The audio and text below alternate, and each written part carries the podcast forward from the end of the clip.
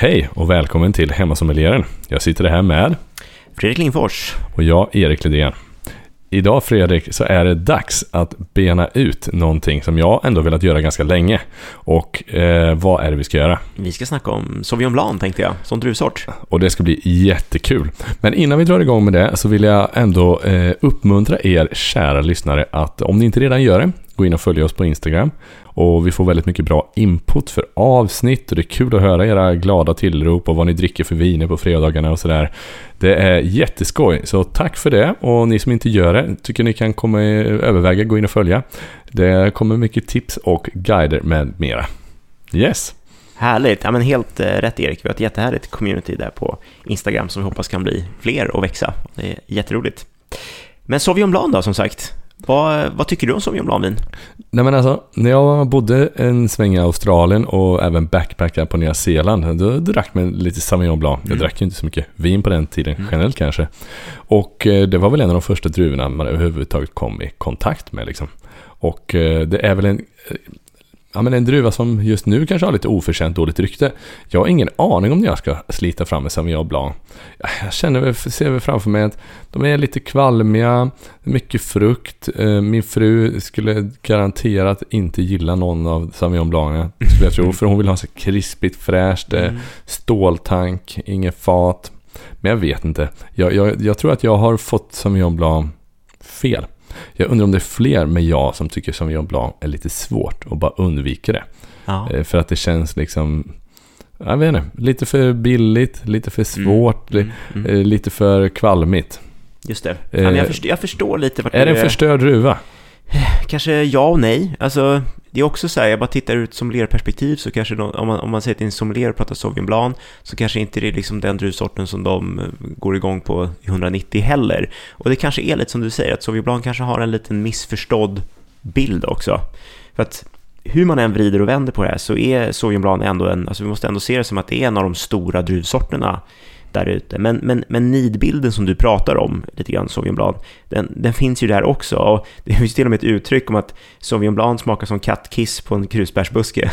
Ja, det ju, ja, exakt. Det är ingen charmerande beskrivning liksom. Ja, Men, men lite det är sådär. väl ändå att den var förälder till Cabernet Sauvignon, Ja, som ju är en väldigt älskad druva. vad påläst du är. Nej men det är du som har lärt mig, är typ jag i något det av våra första avsnitt. Ja, okej. Ja, vad bra. Jag tänkte så här, wow, Erik, han briljerar med sina vinkunskaper här. Ja, ja, exakt. Nej, det är Nej, allt jag exakt. kan har jag fått från dig. Ja, nej men vi, vi får väl dyka in lite och diskutera och prata lite grann om, om eh, Sauvignon Blanc då. Och Ja, och vad tycker du? Vad är din åsikt om Sauvignon Blanc? Ja, men jag är också lite tudelad ska jag säga. Och jag, och jag tror att problemet är att det finns kanske så pass mycket tråkig Sauvignon Blanc också, som är sådär själlös Sauvignon Blanc som saknar liksom lite personlighet och sådär. Men, men eh, jag har druckit en hel del otroligt bra Sauvignon Blanc också. Så att eh, samtidigt så ska man ska liksom inte avfärda en druvsort bara för att det finns några dåliga, utan man ska snarare se kanske potentialet i det, att det finns otroligt bra viner där ute också. Och snarare liksom anta utmaningen. Ja, Så nu får du hjälpa oss hemma som Ja. ja. där att make Sauvignon Blanc great again. Hur ska, vad ska vi köpa? Hur ska vi tänka? Hur ska vi dricka dem? ja, Kör. Men exakt. Nu sätter vi igång. Nej men som sagt, det går inte att, att förneka Sauvignon Blanc storheten, utan det är verkligen en av de stora druvsorterna. Och tittar man volymmässigt, alltså vilka viner som säljer i volym, så är det egentligen ganska få gröna druvsorter som det rör sig om. Alltså, som vi tittar bara till till Systembolaget och deras försäljning. Och på topplistan så är det ju Chardonnay, Sauvignon Blanc och, och Riesling som liksom totalt dominerar eh, vad folk dricker för någonting. Det är säkert liksom 80, kanske nästan till och med 90 procent av volymen av vita viner. Eh, sen finns det ju såklart lite albarinho, Chenin Blan och lite Grüne Veltliner som ligger där i, men det är liksom procentuellt sett så är det ganska små volymer som det rör sig om. Så att, eh, ja, det, det är ju, på, på rödvinssidan så är det kanske lite större bredd i olika druvsorter men på vitvinssidan så är det ändå ganska smalt ändå egentligen. Ehm, och tittar man då i, i vinvärlden så Sauvignon Blanc klockar in på åttonde plats utav de mest odlade druvsorterna i hela världen, så att den är ju ändå stor, då får man säga att den är på topp 10-listan. Och totalt så är det 120 000 hektar eh, som är planterat av Sauvignon Blanc och den ligger precis efter Grenache, men eh, före Pinot Noir som är på nionde plats i odlingsareal. Så det är lite intressant.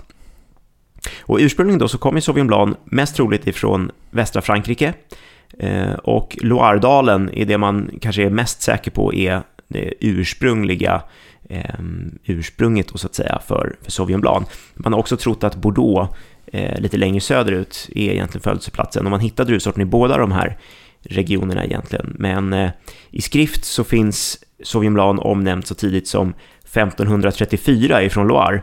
Eh, så det är liksom det tidigaste beviset på den på druvsorten och det är därför också man tror att den kommer just ifrån Loire. Men att det är en fransk druvsort, det råder inget tvekan om och det hör man kanske lite på namnet också, att den heter just Sauvignon och Blanc. Sauvignon som betyder vild och eh, Blanc som betyder vit. Så att eh, man tänker att det här är en sån här gammal druvsort som har funnits länge. Och som du säger också så, är, så har de vissa, alltså släktskapet, den är ju förälder då till Cabernet Sauvignon, eh, som är verkligen vinvärldens eh, rockstjärna.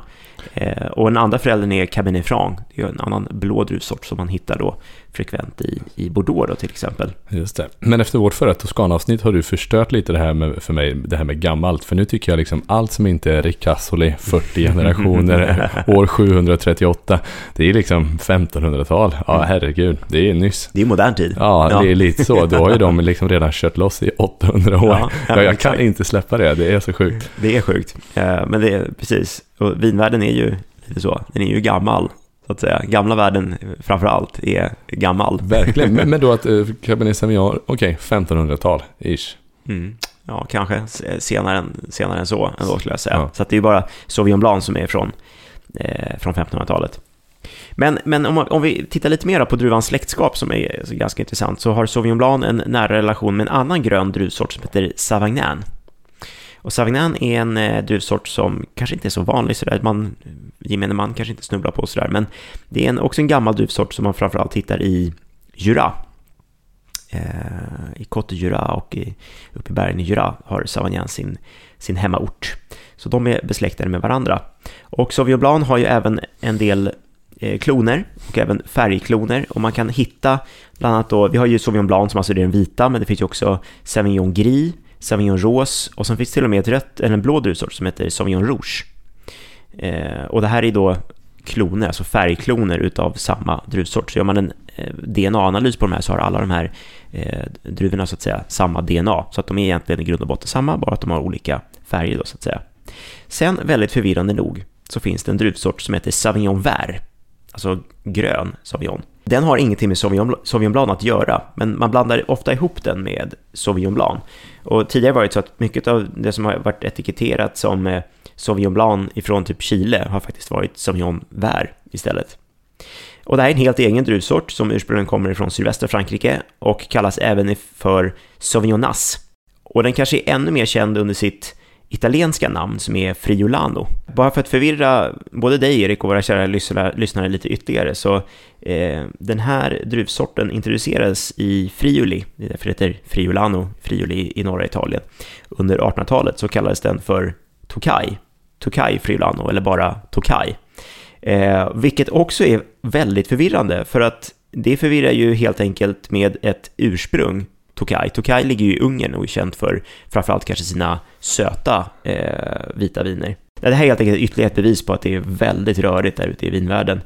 Eh, men detta har att göra med att vinmakarna själva inte har bättre koll helt enkelt, utan att de trodde att den här druvsorten eh, Tokaj då, eller Tokaj Friulano kom ifrån Tokaj. men med modern DNA-teknik så har man ju kunnat bevisa vad ursprunget faktiskt är någonstans och att det är Sauvignon Nass helt enkelt. Eh, och sen så har man lite senare också blivit tvungen att droppa namnet Tokai. Eh, för att det är ju ett skyddat ursprung inom, inom EU. Eh, så att du kan inte använda det namnet hur som helst. Så att nu mera heter druvsorten bara Friulano.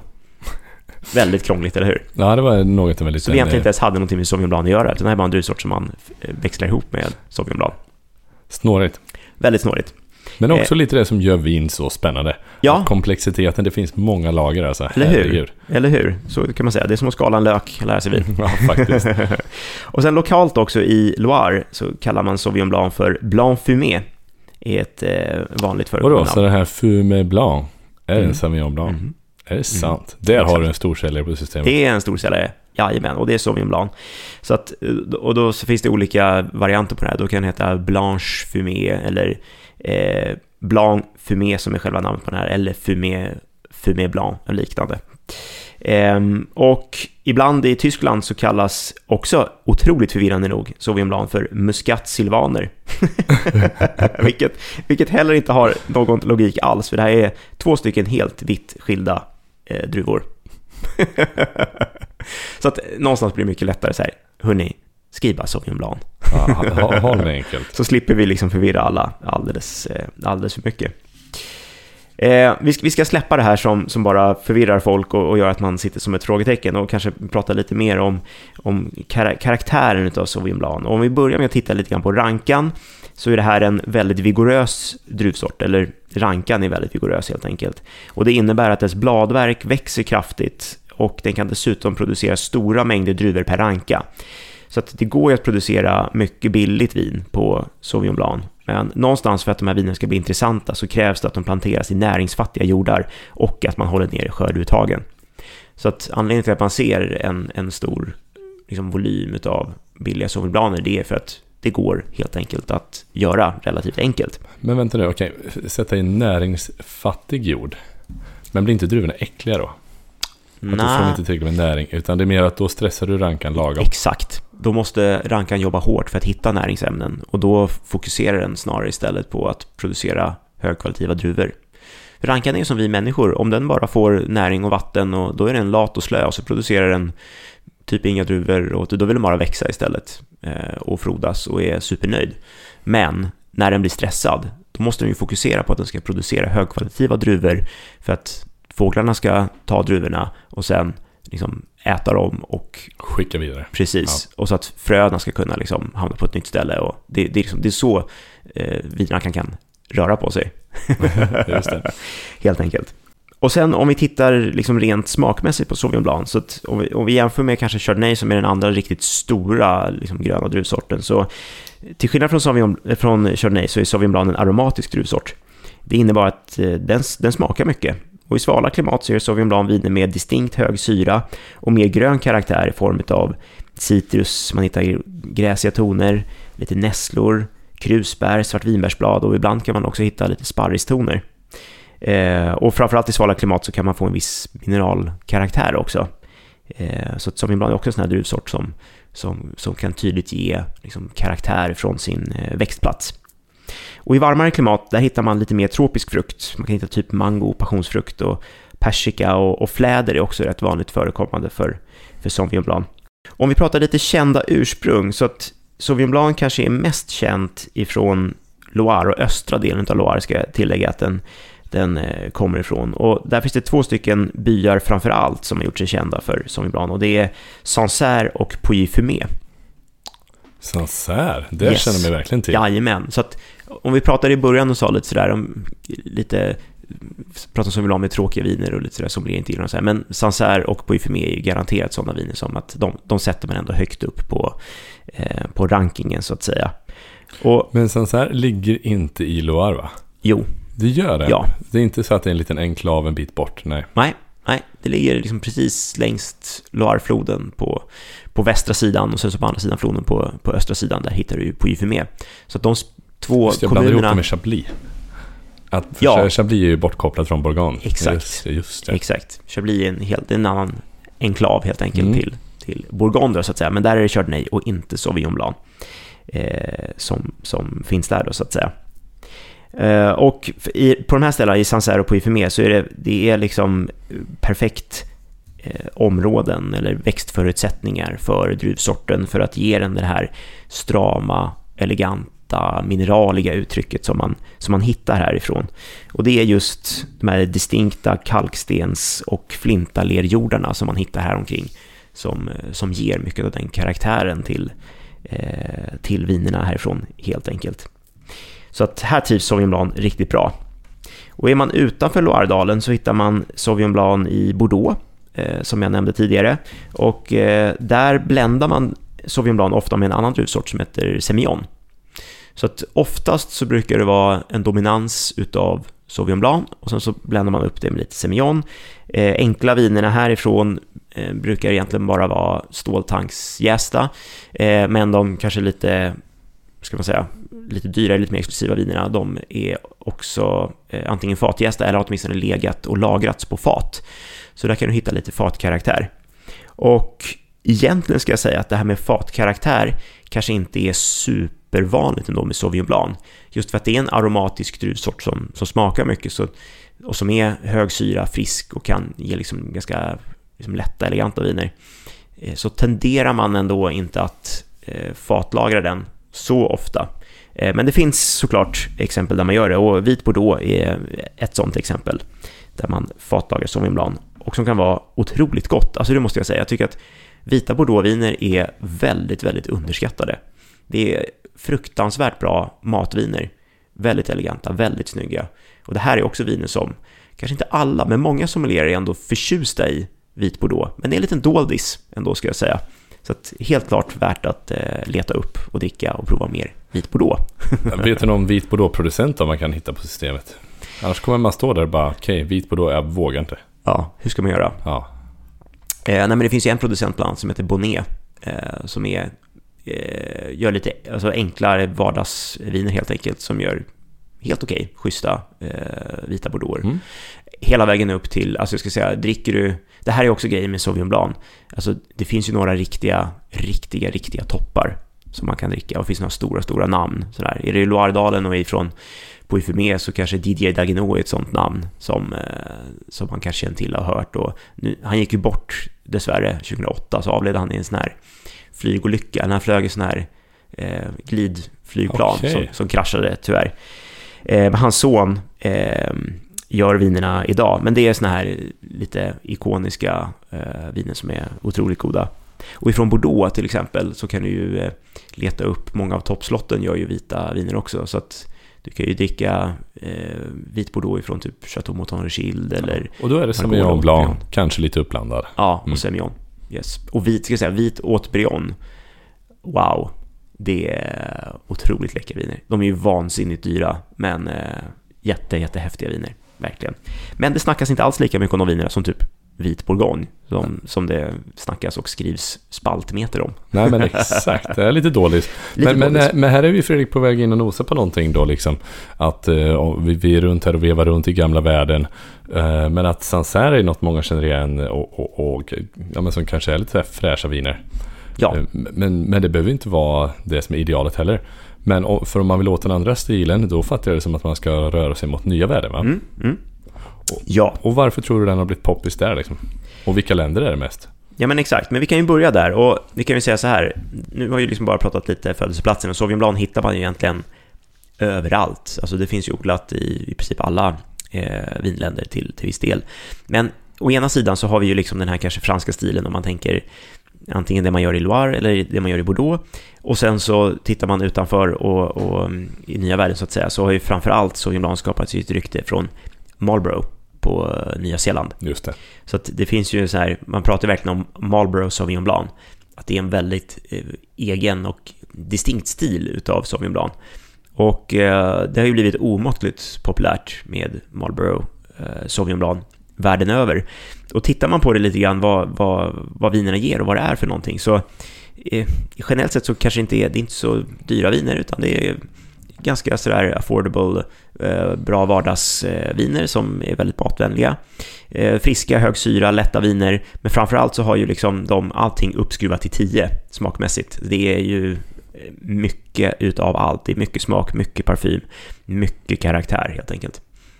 Så där någonstans har du ju liksom din Marlboro Sauvignon Blanc. Samtidigt så hittar man ju Sauvignon Blanc i Sydafrika, stora delar av Australien, Kalifornien hittar du också.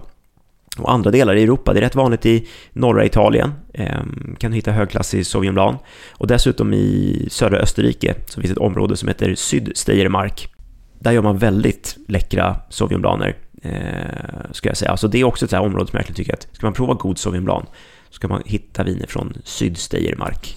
Sydsteiermark, det är något att lägga på minnet. ja, det finns det producenter som typ Tement och eh, Sattlerhof som jag tycker att man ska eh, kolla på. Väldigt intressanta viner. Och i Sydsteiermark, där har man en, en jordmån som består av grus, sand, kalksten och ofta branta sluttningar. Så det är verkligen sådär friska viner med, med mycket energi. Väldigt gott, skulle jag säga. Och jag var inne och nosade lite grann på Kalifornien också. Och eh, om vi bara pratar lite grann om Sauvignon Blanc i Kalifornien så hade druvsorten fram till sent 60-talet generellt ett ganska dåligt rykte.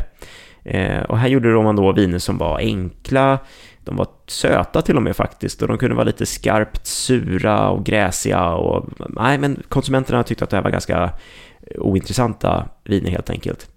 Sen kommer Robert Mondavi och Robert Mondavi pratar ju lite grann om i, i vårt Napa-avsnitt och han har ju varit en av de här pionjärerna som ja. verkligen har lagt grunden för... Och han dök även upp i Toscana och köpte någon eh, vingård. Ja, precis. Ja, exakt. Han köpte ju Ornelaya eh, dessutom. Så att, ja, men han har varit en, en betydande person i vinvärlden och han är tyvärr heller inte kvar eh, i livet. Men när han etablerade sig egna vineri i mitten av 60-talet så såg han ändå potentialen i Sauvignon Blanc. Och han bestämde sig för att göra ett, ett eget högklassigt Sauvignon Blanc-vin. Problemet var bara att han insåg att han inte skulle sälja något vin om man skrev Sauvignon Blanc på etiketten. så att, eh, redan då var det lite utskällt alltså. Ja, exakt. Så att, då, då skrev han då istället eh, det eh, namnet som Sauvignon Blanc är känt för i Loire, Fumé Blanc, helt enkelt. Eh, och vinet blev en jättesuccé. Och han satte standarden för amerikansk Sauvignon Blanc.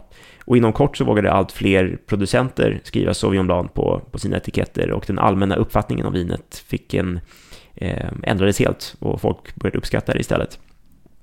Men sen var det en ytterligare liten skillnad på Mondavis eh, vin. Han fatlagrade nämligen sin eh, Sauvignon Blanc också. Så att dels att han gjorde en högklassig Sauvignon Blanc, men sen så använde han lite fat också. Så att det, det särskiljer sig från den gemene stilen av Sauvignon Blanc som, som gjordes då. Men som jag nämnde tidigare, att det vanligaste vi ser kanske till sockerblan idag är inga fat, utan man jäser på rostfria tankar just för att bevara fruktighet och bevara friskheten eh, i, i vinerna. Med det sagt så, så finns det ju till och med topproducenter i, i både Sancerre och, och Poifemé, om man tänker som är klassiska ursprungen, som faktiskt använder lite fat för sina toppviner eh, när de gör och jäser Sauvignon Blanc. Men då brukar de oftast använda eh, liksom äldre neutrala fat så att de, som inte ger kanske så mycket sån här eh, rostad, eh, ekig karaktär utan mer för att de vill ha den här ja, men, lite oxidativa, positiva karaktären som, som faten ändå, ändå ger.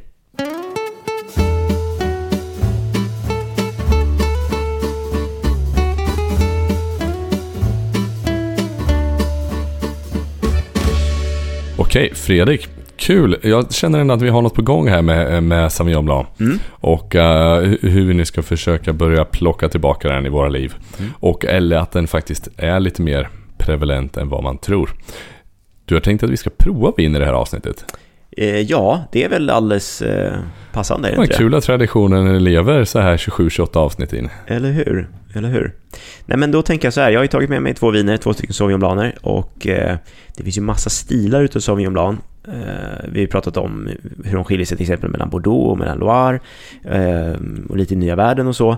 Eh, så att jag tänker att vi, vi ska sätta en, en Sauvignon Blanc ifrån Marlborough mot en Sauvignon Blanc ifrån Sancerre. Blir Kul. En, en nyttig övning ändå tänker jag. och sen, jag vet att vi in och nosade lite grann när vi hade det här mousserande avsnittet och jag, vi har inte nämnt det än, men jag tycker att det är kanske är lämpligt att göra det när vi ändå pratar om Sauvignon Blanc, men det finns ju mousserande Sauvignon Blanc också. Eh, och kanske i som traditionella eh, vinproducerande områden så kanske man inte gör, alltså när man gör typ så här kremat och sådana grejer. Till exempel Cremant de Loire eh, finns till exempel, men där använder du inte Sauvignon Blanc som druvsort, vilket man kanske kan tycka är lite konstigt. Men det har ju kanske att göra med att man tycker att det är lite för aromatisk eh, druvsort också. Men med det sagt så eh, hittar man bland annat på Nya Zeeland Sparkling Sauvignon Blanc. Um, och det var det vi pratade om också, där gör de egentligen ett, eh, ett vanligt stilla eh, vitt vin helt enkelt. Så bara trycker ner kolsyra Exakt, som om kol bara ja, sodastreamar. Sodastreamar away. ja, då fick vi det nämnt i alla fall då. Men eh, så det kanske är passande att vi eh, pratar om just Nya Zeeland då. Sådär ja, skruvkapsyl på den här. Väldigt behändigt. Ja, smidigt. Mm. Så att första vinet det är en trevlig etikett också. Eller hur? Ja, lite så här vilda blommor och fåglar. Ja, det är lite eh, precis allt möjligt på den där. Jo, den ser insmickrande ut. Och eh, vinet som jag hällt upp här då är Stone Lay. Eh, deras... Känt. Ja, det här är ju eh, storsäljaren skulle man kunna säga på Systembolaget. Men är, Stone Lay, det är vingården eller producenten? Det är liksom. producenten, liksom. ja. precis. Ehm, men det här är inte deras helt vanliga Sauvignon utan den här heter Wild Valley. Och eh, det är en Wild Fermented Sauvignon Blanc. Så att eh, det innebär helt enkelt att eh, de inte har någon tillsatt gäst i den här. Och det kan jag faktiskt tycka är någonting intressant och lite positivt i det här fallet. För att mycket av den karaktären som man känner i Sauvignon Blanc också är ju... Alltså, man tillsätter ju väldigt ofta jäst i, i vinmakningen. Framförallt kanske för att du vill sätta igång en jäsning och vara säker på att liksom, jäsningen verkligen ska ske och att det inte fastnar och såna här saker.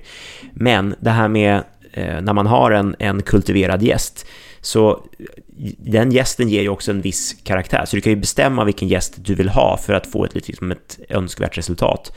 Så att Sauvignon Blanc-jäst bland annat brukar jag så här, verkligen pusha på det här med mycket aromatik och mycket smak och så, framförallt när du gör den i Marlboro. Så att det här är ett litet annat uttryck helt enkelt, en, eh, en Wild Ferment. Eh, Marlboro Sauvignon Blanc. Kan vi se Erik tycker om den här. Kan vi snacka doftmässigt då? Tycker du att det finns eh, eller vad säger du? Du var på att säga någonting. Nej, men bara när du pratar om gäst så tycker jag är så glad. Mm. Ja, det finns lite gäst där. Men också kanske, eh, alltså, kan man säga att det finns en gäst, lite brödighet och lite typ gula äpplen, mogna, mogna gula frukter typ. Mm. Som nästan är, inte övermogna, men rejält mogna. Det är ju inte Granny Smith-äpple, det är snarare liksom Ja. Någon som har legat fem sex dagar på marken ja, innan man går förstår, och plockar upp det. Jag förstår lite vad du, vad du menar, lite som mognare gula äpplen kanske. Jo, det kan ligga kan vara, Ja, jag vet Beskriv du. Jag gillar att höra dig beskriva vin. Jaha, tack. Nej, men sen det där när jag, när jag nämnde också att, det är, att de inte tillsätter någon gäst, så det är de för lite. Det är klart att det är, vinet är ju gäst, så att det är en gäst som är aktiv och som är där, men det är en naturligt förekommande gäst och inte en, en kultiverad gäst helt enkelt. Eh, nej, men jag tycker, det, det som hoppar för mig tycker jag, jag, jag får verkligen det här gräsiga i första hand. Eh, det här örtigt, kryddigt, lite gräsiga. Känner du det? Oj, vad du funderar. Ja, nej, svårt. Fortsätt. Det är så? Ja, jag tycker att det här är verkligen så här nyklippt gräs. Det får en hel del Alltså det är mycket så här gröna eh, karaktärer här också. Du kan få kanske lite så här grön paprika, tycker jag finns i det här också.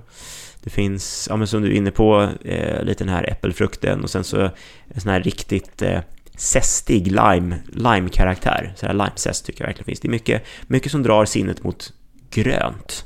Mm. Ja, men det är väldigt, väldigt grönt vin, stämmer in bra på etiketten. Mm. Men det här, Fredrik, tycker jag är spontant då ett vin som, om jag skulle hälla upp det till min fru skulle hon säga blä. Mm. Eller, men liksom för att hon skulle tycka det smakar för mycket, det är för mycket och sådär. Ja. Jag kan tänka att liksom alla grejer har ju sin skärm. Allt måste ju inte vara snorkrispigt och jättetorrt. Nej. Men hur ska jag liksom behandla det här då i vilken kontext? För, eller kan man liksom få en person som inte gillar den här vinstilen och gillar det med att para det med rätt mat? Mm. Eller är det mer så här, gillar man inte så gillar man inte? Mm. Vad tror du? Finns det något tricks?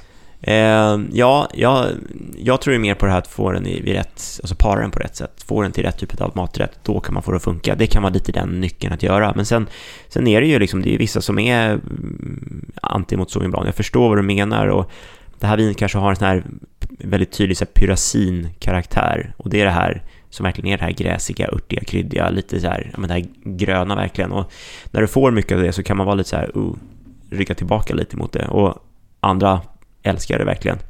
Men eh, med det här sagt också, nu har jag smakat det här och det, liksom, det är ju friskt, det är ju ett lätt vin, det är hög syra, det är ändå ganska aromatiskt, du hittar verkligen det här gröna, örtiga, kryddiga karaktären. Så att även om det här är Marlboro Sauvignon Blanc skulle jag säga att det här är en ganska, den gjorde en lite mer kanske eh, så här, europeisk stil ändå. Den, den smakar mycket, men en Marlboro Sauvignon Blanc skulle kunna vara otroligt mycket mer än det här. Eh, det finns kanske lite så här passionsfrukt i smaken också. Det finns lite av de karaktärerna, men, men ofta så är de ännu mer uppskruvade. Det är liksom mer smak till allting och mer det här liksom tropisk frukt som kommer fram. Så att det här är lite mer, ja, lite grönare, känns lite svalare, lite stramare helt enkelt. Och vad äter man till sånt här, Erik, tror du? Nej, men eh, det är väl en klassisk paprika halloumisallad paprika halloumi-sallad kom fram. Ja, underbart. Nej, men jag tänker så att man kanske ska eh, akta sig från de här lite, det här lite pyrosinaktiga, alltså de karaktärerna och göra, dra liksom matchning åt andra ändan så att man tonar ner dem kanske lite mer i, i, i parningen eh, när man gör det. Men, men här tänker jag också, det här är ju, i och med att det är så friskt och högsyrat, ett lätt vin, gör ju att det här är ju väldigt, väldigt väl anpassat till eh, skaldjur, fisk och skaldjur, klockrent. Mm -hmm. Så det här till liksom någon pilgrimsmussla eller att göra en eh, kanske en ceviche eller en liten räksallad eller någonting sånt. I ceviche kan man ju plocka upp lite lime då. Exakt, och där är, det smakar ju rätt mycket, alltså ceviche Mm. och det här är också ett smakrikt vin. Mm. Så att eh, man kanske ska bara vara lite försiktig med hettan, att inte göra det för stark. Du menar du har för Ceviche. lite sött med det här vinet? Exakt, Mm. för att kunna eh, matcha upp det. Då. Har du, lite, har du hetta i din ceviche så kanske en Riesling är bättre, eller en, en Riesling som kanske har lite sötma i sig också. Men någonting sånt eh, skulle jag kunna tänka mig att matcha det med. Då Det blir tycker jag låter, låter riktigt bra. gott. Mm. Mm. Ja, men det var ett eh, trevligt vin.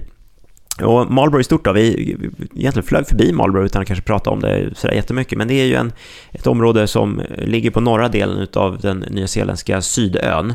Eh, och totalt så är Marlboro 28 000 hektar som är planterat med druvsorter där Sauvignon Blanc är den eh, absolut mest eh, odlade druvsorten. Hur stort är då Stoneley? Hur många hektar har de av 28 000? Jag vet inte exakt hur stora de är, men de är ju, det är ju en stor aktör. De, de, de är stora, eh, helt enkelt. Och eh, det intressanta med Marlboro också att eh, de producerar 70% av hela Nya Zeelands vinproduktion. Oh wow! det är liksom helt otroligt. Så att, eh, man gör ju egentligen vin över hela Nya Zeeland, men, men Marlboro är ju överlägset eh, liksom störst och, och, och viktigast, så att säga. Och då är ju verkligen Marlboro Sauvignon Blanc är ju majoriteten av det vinet som, eh, som de producerar härifrån dessutom. Right. Eh, vi kan väl flyga vidare och sen så åker vi till Frankrike istället då. Och till eh, Sancerre. Och eh, då har jag tagit med mig en Sancerre från eh, producenten Henri Bourgeois som heter Le Baron. Och eh, Sancerre då? Ja, det pratade vi om tidigare att det ligger ju i östra delen utav Loiredalen på västra sidan om Loirefloden. Och Sancerre är till storleken eh, 2600 hektar, så det är liksom ingen sån här jätte, jättestor eh, vinregion. Utan eh, ändå relativt liten. Och jag tänker hur, hur mycket Sancerre man ändå ser. Det är ändå ett sånt här namn som, som florerar rätt eh, vanligt så att säga i, i vinvärlden. Men vi doftar här får vi se och hittar lite skillnader och, och eller kanske likheter med Nya Zeeland. Ja, inte alls lika sån här... äh, Doften bjuder sig inte lika lätt. Mm, den är inte lika Mindre Sådär, aromatisk. in your face, Nej. precis det här och det här gräsiga som var väldigt tydligt i, i, eh, i Stone Lane. Nej, här är det ju mer, alltså det är lite nedtonat men det är en annan liksom, elegans, det är finess, det är mer finstämt, finlämmat sådär skulle jag säga. Och eh, du hittar kanske mer citrustoner som ligger eh, i framkant på det här också, just doftmässigt. Men det finns också, det finns kanske lite av den här lätt blommighet. Jag vet inte om man ska dra det hela vägen till fläder, men lite så här, det finns lite vita blommor, det är lite citrustoner. Eh, absolut, det finns lite såna här gröna toner också, men det är lite mer kanske krusbär, du kanske kan förnimma lite grönt som kanske något så här svartvinbärsblad eh, och liknande. Eh, men inte alls lika, lika gräsig. Smakmässigt då, Erik? Vad säger du där?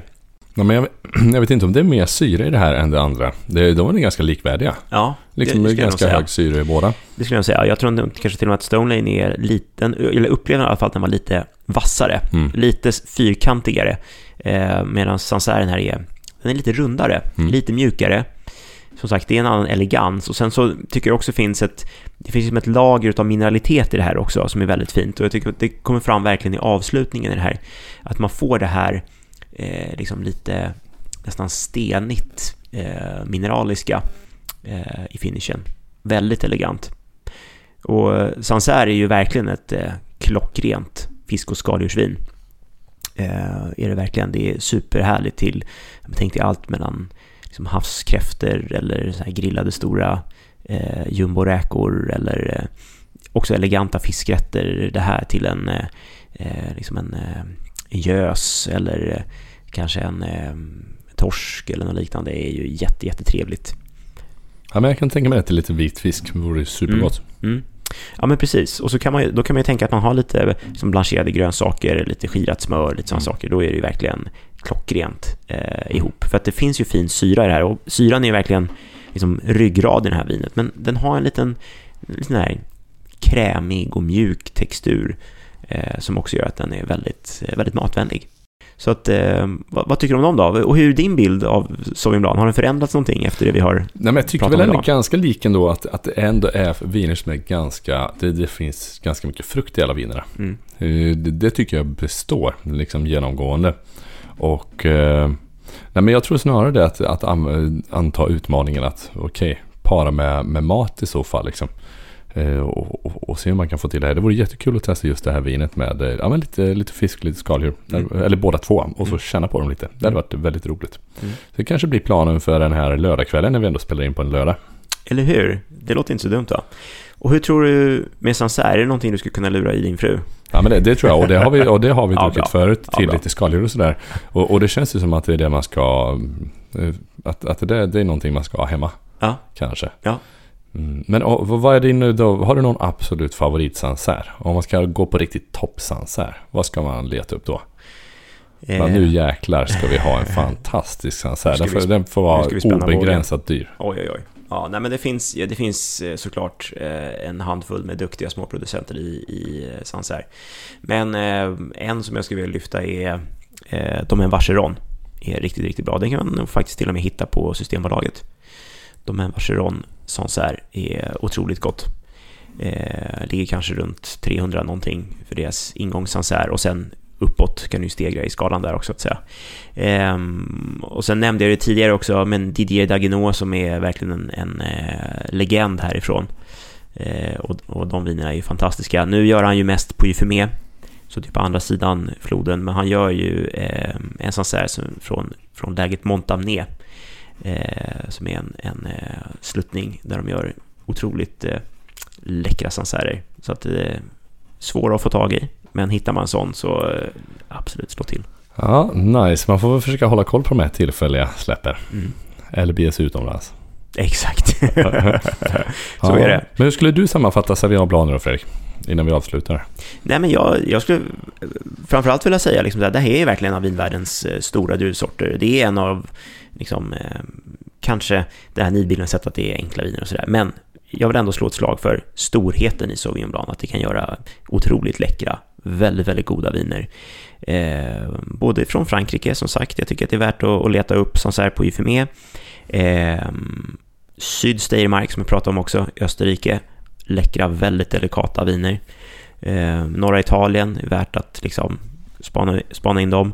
Och är man förtjust i Marlboro Sauvignon Blanc så är det bara go for it. Det brukar inte vara svårt att hitta, utan där finns det ju mycket att välja mellan på hyllorna. Nej, men exakt.